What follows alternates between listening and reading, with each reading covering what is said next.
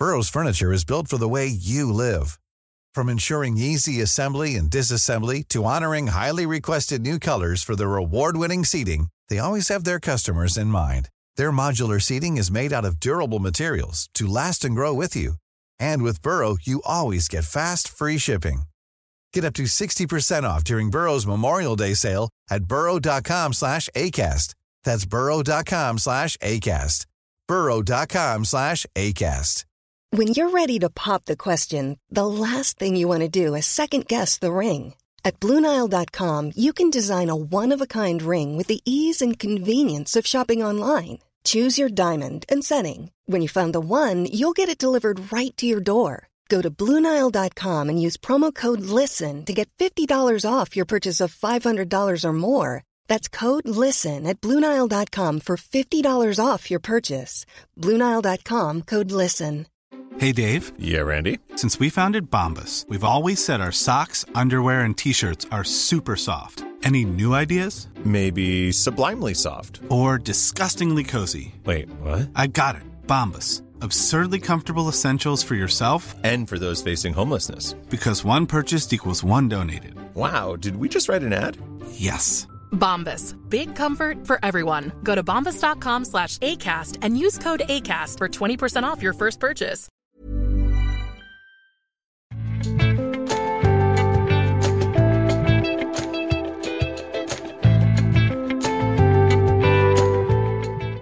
Finsk frifinnelse og eh, nye muligheter for eh, kvinner i misjonen, det er noen av temaene i denne ukens episode av Tore og Tarjei.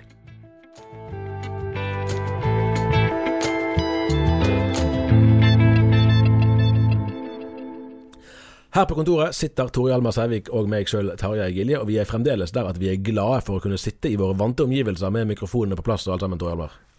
Det er eh, veldig mye bedre enn å snakke til en skjerm, sjøl om eh, jeg ser deg i en skjerm. Så du gjør det bedre i 3D. ja, det var godt å høre. Skal vi begynne utenriks? Ja, vi kan jo det for Det, eh, altså vanligvis, Jeg husker Erlend Lo kom jo med en bok hvor, jeg husker ikke når det var, som het 'Fakta om Finland'. Og Det må vel være den ultimate ironi på den måten at eh, hvis vi skulle tenkt det som en avistittel, så er vel det check, check, check på ting som er kjedelig. Fakta og Finland. Jeg husker en, eh, en replikk fra Seinfeld, eh, den her amerikanske komiserien som gikk på TV2 på 90-tallet, eh, der ja, Du skal ikke gå i detaljer om det, da, men, men hun Elaine Det kunne du ha gjort. En av, ja, det, kan, den kan jeg en del om. Men, men, eh, karakteren Elaine hun skal flytte da, leilighet, og så liksom blir kommentert at det var kanskje ikke så veldig spennende adresse du skal flytte til. Og sa ja, men dette er som å flytte fra Island til Finland. Ja. Og det var kanskje litt sånn Poenget at du kom iallfall litt nærmere folk. Ja, Egentlig er Finland et veldig spennende land. det, det, ja, jeg har bare så vidt vært der. Der? men- Nei, jeg har vært der et par ganger, faktisk. Ja, Men det men jeg syns det og, og det er jo veldig sånn eh, Av språklige grunner så eh, opplever vi kanskje at eh, Finland ikke er oss nært, men det er jo et naboland, og Mm. kulturelt så tror jeg at vi har ganske mye til felles, da, egentlig. Mm. Um, Nei, jeg har nok det. ja, Ja. det nordiske og lutherske og, og sånn. Altså der er en del eh, forutsetninger. Men så er det jo en del ting som er viktig som er forskjellig, da, Mm. også. Nå er det et rettsoppgjør som, har vært, eh, som gjør at vi snakker om det i dag, og som gjør at vi har skrevet en del om det eh, i en tid. Eh, Og Foreløpig gikk det som nok mange hadde håpet på, eller i hvert fall i vårt landskap, da, for Ja. eh, Päivi Resenen. Stemmer. Det er et navn som eh, har figurert en del i våre spalter, og var jo også gjest i podkasten rett før jul. Eh, har vært partileder for eh, KrF sitt søsterparti i Finland, eh, Kristdemokraterna, blir det vel på svensk.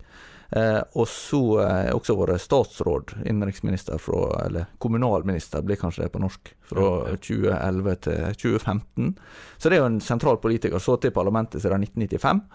Eh, Utdanna lege, fembarnsmor, eh, prestefrue. Eh, så det er, en, det er jo en kjent skikkelse i, i finsk, det finske offentlige liv, da. Eh, og det som skjedde, var at hun eh, skrev ei eh, melding på Twitter i eh, 2019, august var Nei, det skjedde i juni. Og, der hun eh, kritiserte den lutherske kirka i Finland, altså eh, tilsvarende den norske kirke, da for å delta i eh, Pride, eller som partner i, i Helsinki Pride. Det førte til at hun ble anmeldt i august, to måneder senere, altså.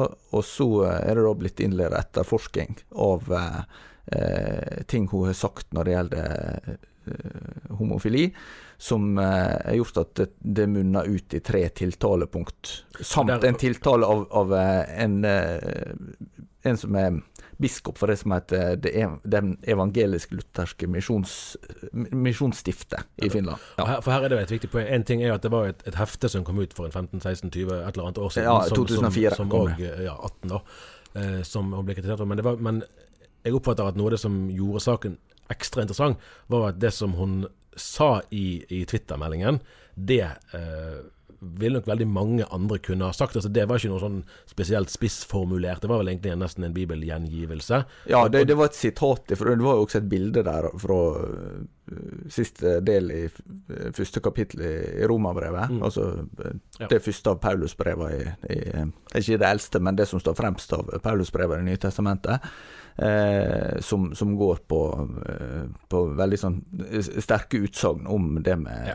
likekjønna seksuell øh, omgang. For der har det vært en stor utvikling, det kan vi jo si uformelt, sant? når det gjelder hva som det er greit å si offentlig. Og der vil jeg vel tro at nesten alle, eh, i hvert fall etablerte kristne sammenhenger, har endret retorikken sin om, om kjønn- og seksualitetstematikk i løpet av din og min levetid. Eh, Selv om ikke alle har endret teologien like mye. Men her er vi i nærheten av den kjernen som er det som går det an å lese fra Bibelen, eller vil det òg kunne bli? Det er jo sånn skrekkscenario for en del kristne, at, liksom at forfølgelsen fra sekulært hold vil komme så langt at selv det å, å lese fra Bibelen og utlegge bibeltekster, at det vil, vil bli rammet av, av lovverket.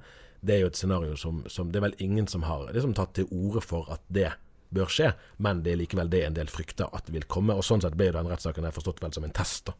Ja, for, for, for det er en av de eh, tingene som, som ble diskutert, det var jo eh, når hun eh, spurte jo i den Twitter-meldinga om eh, det å være, eller være stolt av det Bibelen omtaler som en skam, eh, er eh, hvordan det kan være mulig for en kirke å være, være med på det, så, så ville hun si at dette er et teologisk utsagn. Altså det er ikke retta mot mennesker som har eh, et annet syn enn det hun har, og lever et liv som, som er annerledes enn etter hennes ideal, men det handler om at hun retter seg da mot eh, et kirkelig lederskap som man mener har et annet verdigrunnlag, som de er ansvarlige for å, for å eh, forsvare og, og formidle. Og så eh, var det jo ganske interessant i selve rettssaka, for aktor eh, mente jo at det å, å omtale noe som, som synd innebar å krenke, eller eh, å, å si at de som, som gjør det, er, er mindreverdige. Så du kan si at Akto egentlig innfridde på en måte da, noen av de eh, fryktforventningene, hvis vi kan si det sånn. Ja, for, for det som Resnen og hennes støttespillere eh, framheller da, er at eh, du kan fortsatt sitere fra Bibelen og si at det er mulig å forstå det sånn, men eh, det viktige fra hennes perspektiv er å kunne sitere det med tilslutning. Nettopp. nettopp. Eh, og, og, og hvis du ikke kan det, så, så hun hadde en pressekonferanse eh, da eh, onsdag ettermiddag etter at dette var, var kjent digitalt, så jeg, så jeg fulgte med på den. Og, og eh, da sammenligna den forståelse av trosfrihet som aktor la til grunn med det som hun møtte som statsråd da hun snakka med den kinesiske statsrådet for religionssaker. For, for folk er jo fri til å tenke og tro det de vil, Mm. men, men eh, du, du må ikke regne med at du kan si det hvor som helst. Eh, og, og da vil hun si at det, det er jo ikke Da har ikke du egentlig en trosfrihet hvis du ikke kan ytre den, da, Mm. uten, å, uten å møte sanksjoner.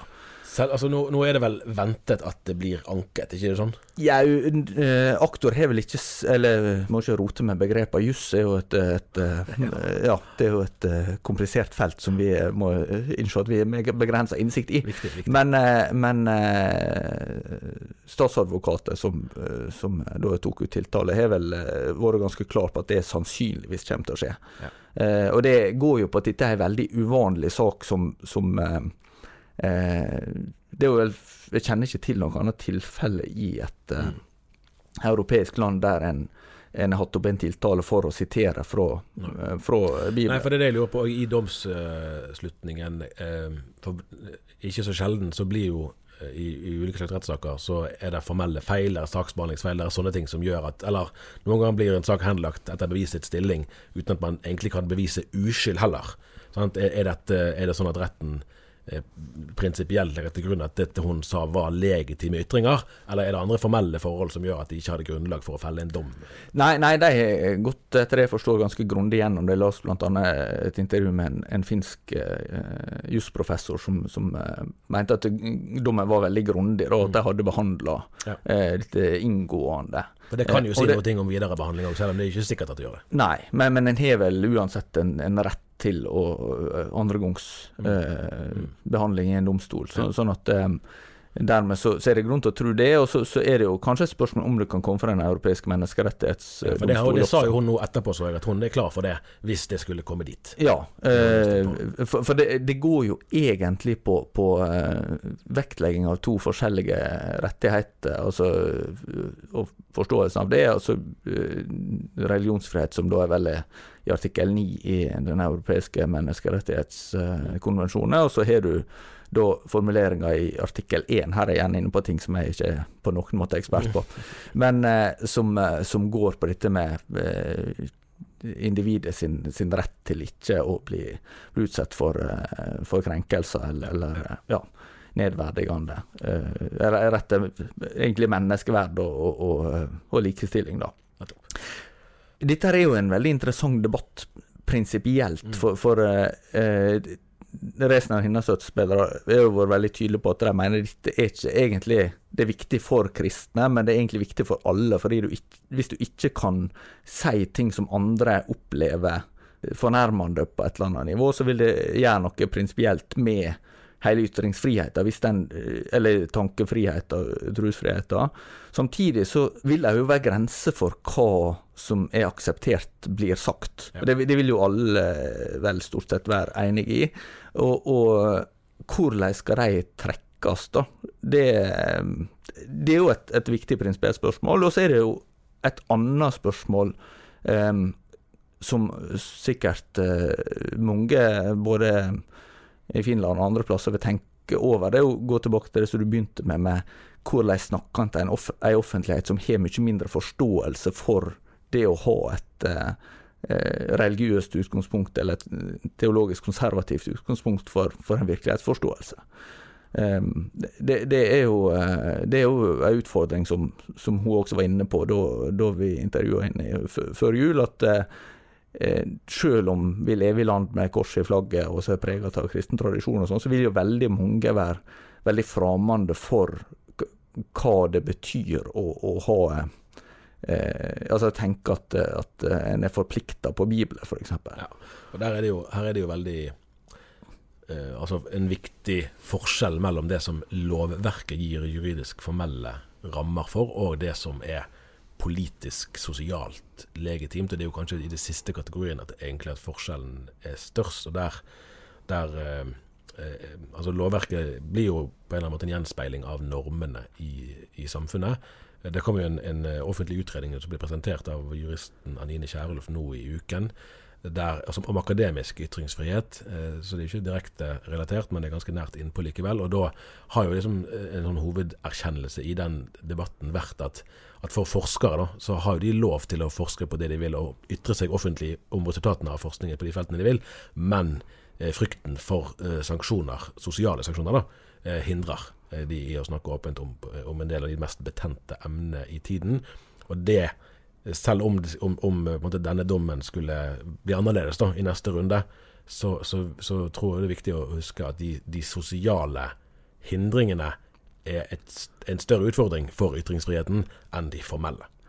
Det tror jeg stemmer, og, og eh, der er det sikkert mange som, som kjenner seg igjen i kanskje en sånn usikkerhet rundt hva, hva fungerer egentlig når en skal henvende seg til, til offentligheten i dag, og eh, hvordan skal en forene det å være eh, tru mot det en eh, er overbevist om, da, eller står for, med å liksom møte ei, ei offentlighet som ikke, ikke deler eh, de overbevisningene, og kanskje vil være en blanding av eh, skeptiske til den, og kanskje bekymra eller urolig for, for, for religion. Altså det, det er litt som eh, vår spaltist eh, Bjørn Are Davidsen eh, oppsummerte liksom, eh, en del nordmenns holdning til, til religion. All religion er like ille, særlig kristendom.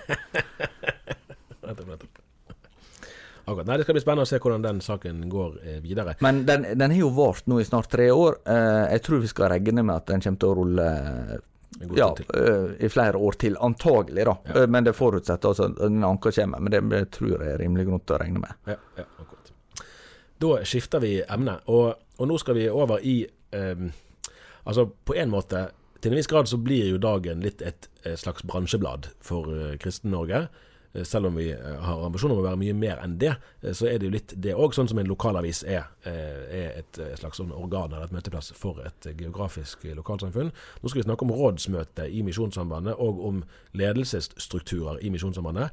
Og dette kan jo virke nerdete og ganske teknisk, og det kan det jo være òg. Det har noen tekniske sider, men vi skal ikke gå så veldig langt før det som eh, jeg tror det blir vedtatt da, eh, fredag denne uken, eh, og eh, på generalforsamlingen i sommer, men det gjenstår jo å se, at det kommer til å få betydning for ganske mange mennesker sine liv. Du har jo fulgt eh, dette her eh, tett over en del tid. Og for, for de som er utenforstående, så kan jeg tenke at Misjonssambandet er interessant for de som er med der, men, men hva angår det egentlig andre? Men, men hvorfor tenker du at Misjonssambandet er interessant for flere enn eh, akkurat de som eh, ja, regner seg som NLM-ere? Mm. Norsk eh, kristenhet er jo i stor grad preget av eh, Altså, vi har tusen års eh, kristen historie. Vi har hatt statskirke eh, sant, gjennom den, eh, den eh, tiden. Vi har hatt reformasjonen eh, på 1500-tallet. Og så var det jo måtte, vekkelsen som oppsto i kjølvannet av Hans Nilsen Hauge på 1800-tallet, som har preget norsk kristenhet i stor grad. Og da er det jo misjonsorganisasjonene som er eh, mye av uttrykket for det. Eh, Og blant de er jo Norsk Luthersk Misjon den klart største. Sånn at dette er en, en motor i norsk kristenhet. Sånn at det som skjer der, skjer ikke likt alle steder, men det som skjer der, har likevel en betydning for andre. Akkurat som at eh, i, i politikken kan du si at eh, spørsmålet er ikke bare om f.eks. om SV eller Rødt sitter i regjering, men den størrelsen de har, eh, gjør noe med hele debatten eh, i en i hvilken som helst sak. Og litt sånn da er det med Misjonssambandet. At Det har en direkte betydning for de som er med i organisasjonen, men det har òg en indirekte betydning. Og så er det jo vel rett å si at, at Misjonssambandet også punches above its weight, eh, som eh, amerikanerne sier, i den forstand at, at det, det er vel en av de organisasjonene som flest fra andre sammenhenger kommer i kontakt med, ikke minst via skolene der. Mm, ja. Men at De driver såpass mange videregående skoler, men også til grunnskoler og mange barnehager. Og så vil jo det være institusjoner som ikke altså Det er jo noe annet enn å være med i en forsamling i NLM eller en misjonsforening. Mm. Men, men det er jo likevel en, en organisasjon som har lykkes mye bedre enn mange av de tradisjonelle misjonsorganisasjonene med å eh, spille en viktig rolle i mange menneskers liv eh, i et samfunn som endrer seg mye. Mm. For de som har, ikke har starta skoler og ikke har på en måte vært såpass offensive med å, med å tenke nytt om virksomheter, de har jo blitt mer marginale og, og er i kontakt med færre mennesker, særlig som er utenfor egne rekker. Sant. sant. Eh, men det som skal konkret skje, sant, er er et rådsmøte som er en forberedelse til eh, sommerens eh, utsatte generalforsamling. og Dette er et ekstraordinært rådsmøte fordi at det rådsmøtet som var i oktober, ikke syns de hadde helt det formelle grunnlaget på plass for å fatte de vedtakene de skulle fatte. Nå har de det, eh, så da er det noen endringer i organisasjonen sine grunnregler. Nå er vi inne på nesten på, altså på juss her, nærmest. Eh, og det er egentlig to, to ting som, som er bærende. Det ene er at, eh, at man bruker begrepet menighet om misjonsfellesskapene. Her var det jo i gamle dager foreninger, altså en slags bibelgrupper. Utvidet. Misjonsgrupper. Ja, og når en fikk, hadde andre ting, så var det forsamlinger. Det var neste skritt. Ja. Sånn at det ble foreninger. Nå bruker man òg ordet menighet i grunnreglene. Og dermed, dermed har man tatt noen skritt i kirkelig retning. og Det var jo det man veldig lenge ikke skulle gjøre, fordi at man skulle drive misjon og kun det. Mens mer og mer ser man jo menighetene og som, eller forsamlingene, da, men det som blir menighetene, som et springbrett til misjonen. Altså ikke som noe som tar ressurser bort fra, men sånn som gir ressurser til, eh, til misjonen. Og i den forbindelse eh, så har man òg opplever man et økt behov for en åndelig ledelsesstruktur. Eh, og der er jo det mest liksom, synlige eh, er jo at man vil etablere et sentralstyre som erstatning for dagens hovedstyre. Eh, og det er her det begynner å bli sånn teologisk, organisasjonsmessig intrikat, fordi at man vil da flytte det som man kaller for hyrde- og lærerembetet, eller hyrde- og læreransvaret, Ja, ikke embetet, tror Nei, jeg. det, det, det måtte korrigere det. Eh, ut av eh, hovedstyret og over eh, i et nytt åndelig tilsynsorgan, mens man da lar sentralstyret, det nye sentralstyret som da kan bli vedtatt, eh, beholde mesteparten av styrets oppgaver, mens de som da går direkte på teologi og forvaltning av læren, altså den teologiske forståelsen av livet og virkeligheten, den flyttes da over i et nytt organ som er forbeholdt menn. Og dermed beholder man jo egentlig den grunnleggende tenkningen om at det er noen oppgaver i Guds rike som er forbeholdt menn, eh, mens man likevel gjør flere av disse oppgavene tilgjengelige for kvinner. Eh, Og her er det jo det Altså dette At det er en det, Kvinnelige prester i, i Norge har ikke hatt i mer enn eh, en drøye 60 år. Så hvis vi går tilbake til før det, så tror jeg det var ganske selvsagt for de aller fleste at det, at det var en, en sånn skjelning. Men den, den er jo mye mindre fremtredende nå enn den var for et par generasjoner siden. Saken er jo at Misjonssambandet og Indremisjonsforbundet er de eneste nå av større misjonsorganisasjoner som har en sånn deling, at det er et, et åndelig lederansvar som er forbeholdt menn. Eh, og blant frikirkene er det vel omtrent bare Delk med sine et par-tre tusen, eller hva det er for noe, eh, medlemmer eh, igjen, mens resten av Frikirkesamfunnet har forlatt denne tenkningen. Så, sånn at selv om da Misjonssambandet i seg sjøl er en veldig stor eh, aktør, så har både Nordmisjon og NMS eh, forlatt, som kommer fra den samme tradisjonen, de har forlatt den tenkningen eh, for en god stund siden. Sånn at eh, her står NLM faktisk mer alene igjen, da, selv om Indremisjonsforbundet er der sammen med de, enn det som var tilfellet for et par år siden, eller for et par generasjoner siden, rettere sagt. Eh, og da er det å finne en praktisk vei, da, for her er jo selve strukturen i NLM, sant, med lokalforeninger, med regioner, med generalforsamling, med årsmøter og delegater. Dette er jo bygd opp på samme måten som eh, frivillige organisasjoner ellers er. Fagbevegelsen eller politiske partier eller interesseorganisasjoner. Eh, Den strukturen leser vi ikke om i, i Det nye testamentet. Men der leser vi noen ting om, om eh, hvordan menigheter skal ledes. Men, men hvordan skal en skille da mellom hva som er et spørsmål for et hovedstyre, og hva som er spørsmål for, for de med, med et uh, læreransvar? Altså Det er jo et ualminnelig godt spørsmål. Det lar seg vel ikke egentlig fullt ut besvare. For du kan jo si at, at uh, dette åndelige leder- eller hyrdeansvaret det er forbeholdt rene sånn Har vi forstått Bibelen rett, eh, eller har vi ikke? Skal vi endre vår teologi på et eller annet punkt? At det er læreravgjørelser. Og det, det vil jo være enighet om, tror jeg, at, at en, et sånn type spørsmål det er teologisk i sin natur. Det, det må da behandles i, i det relevante organet. Men så må det jo si at eh, altså, så, altså for den saks skyld, den som setter opp budsjettet for en kirke, har jo i praksis stort læreransvar. fordi at hvor du plasserer ressursene, hvor du plasserer pengene, har jo masse å si for hva du profilerer. Skal vi satse på ungdomsarbeid, skal vi ikke? Skal vi satse på barnearbeid? Skal vi satse på misjon her eller der? Skal vi satse på bibelundervisning sånn eller sånn eller sånn? Eh, sånn at det ligger jo masse teologi innbakt i alle mulige andre eh, avgjørelser. Så noe helt sånn skarpt skille går det egentlig ikke an eh, å trekke. Så det kan bli noen ganger litt søkt, og, og i mange tilfeller vil det ikke være opplagt hva for en sak som skal behandles i, et, i hvilket organ. Men det er likevel et forsøk da, på å, å komme til rette med med møtet mellom visjon, og virkelighet, og mellom teologi og, og den praktiske hverdagen. Eh, og, og tror jeg det må forstås som en erkjennelse som er gryende av at man har, man har eh, tolket eh, det som de kaller for tjenestedeling, altså at det er noen ting som er forbeholdt menn, hyrde- og læreransvaret, at det har man tolket bredere eller videre enn det som er nødvendig. Ja, og, og for, bare for ordens skyld, det, det er jo særlig knyttet til det som en finner i første Korinterbrev i Det nye testamentet, og, så pastoralbreva. Ja. Altså Titusbrev og første andre. Timotiusbrev. Ja. Det er riktig. Så det, så det er en, en eh, i og for seg en etablert eh, tolkningstradisjon, det der. Det var litt interessant eh, i intervjuet vi hadde tidligere denne uken med Lars Gaute Jøssang, som er professor i historie på NLA-høgskolen, og tidligere var hovedstyreformann. Som, som, for, det- i Misjonssambandet. For her var det et poeng at i 1997, da, da først fikk kvinnene alminnelig stemmerett i generalforsamlingen. Eh, Det kan jo virke nesten utrolig å tenke på, eh, sant? men det er ikke mer enn 25 år siden det skjedde. Og da gikk kritikken mot det vedtaket bl.a. ut på at i Misjonssambandet sine da lavkirkelige orientering, altså at dette var en lekemannsbevegelse, man må ikke være teologisk utdannet for å kunne ha verv, det er, det, det er allmennheten, det er folket som skal ha det åndelige læreransvaret, så så man på generalforsamlingen som da en eldste forsamling, altså at alle delegatene var i en forstand eldstebrødre. Altså de hadde et åndelig læreransvar, for det var ikke det bare presten som skulle ha. Og i en sånn tenkning var det da kun menn som skulle ha stemmerett, fordi at selve det å ha stemmerett innebar å ha et åndelig læreransvar. Den tenkningen forlot man eh, da, Og på en måte kan du si at det som skjer nå, er en videreføring av det. At man, man forstår det, det, åndelige læreransvaret eh, mer eh, altså snevert da, enn man, eh, enn man gjorde før. Eh, og det er klart at dette, dette, er det mange eh, Jeg tror både kvinner og menn. altså Kanskje mest kvinner, fordi at her er det jo mange nye lederverv som skal fylles. Så det er mange kvinner som kan få nye roller. Men jeg tror nok òg det er ganske mange menn som er glade for, for at, eh, at, disse endringene skjer. Samtidig som det òg, det må ikke vi glemme, sant, at det er mange, både kvinner og menn, som, som, aktivt står for den teologien som Misjonssambandet har. Så det er en, en, en indre spenning i, i saken der.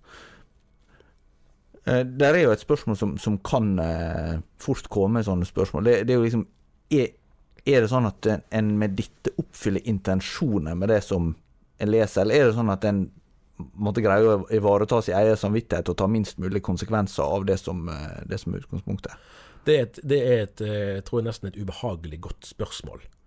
Uh, og man, jeg får av og til den følelsen når vi holder på med den tematikken her, at man liksom Man har ikke kommet til en teologisk eh, posisjon som gjør at man kan liksom sette en strek over den tenkningen som har vært før, men samtidig så, så strever man veldig med å, å, få dette til å henge sammen. For, for eksempel så, så, så, eh, var det jo en eh, av de vi intervjuet som snakket om at dette vedtaket eh, kan, kan, bli en, en, bekreftelse på at kvinner er i stand Det var en, en kvinne som sa dette.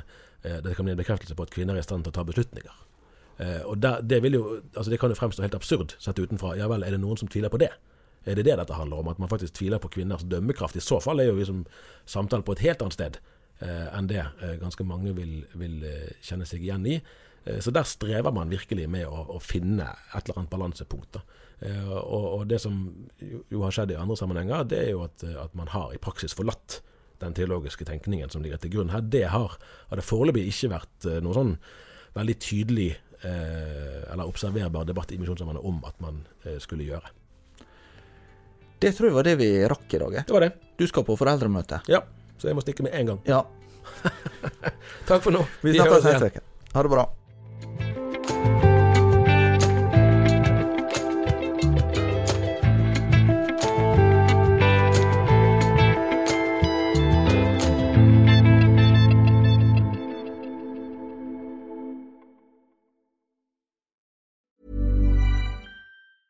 Normally, being a little extra can be a bit much, but when it comes to healthcare, it pays to be extra.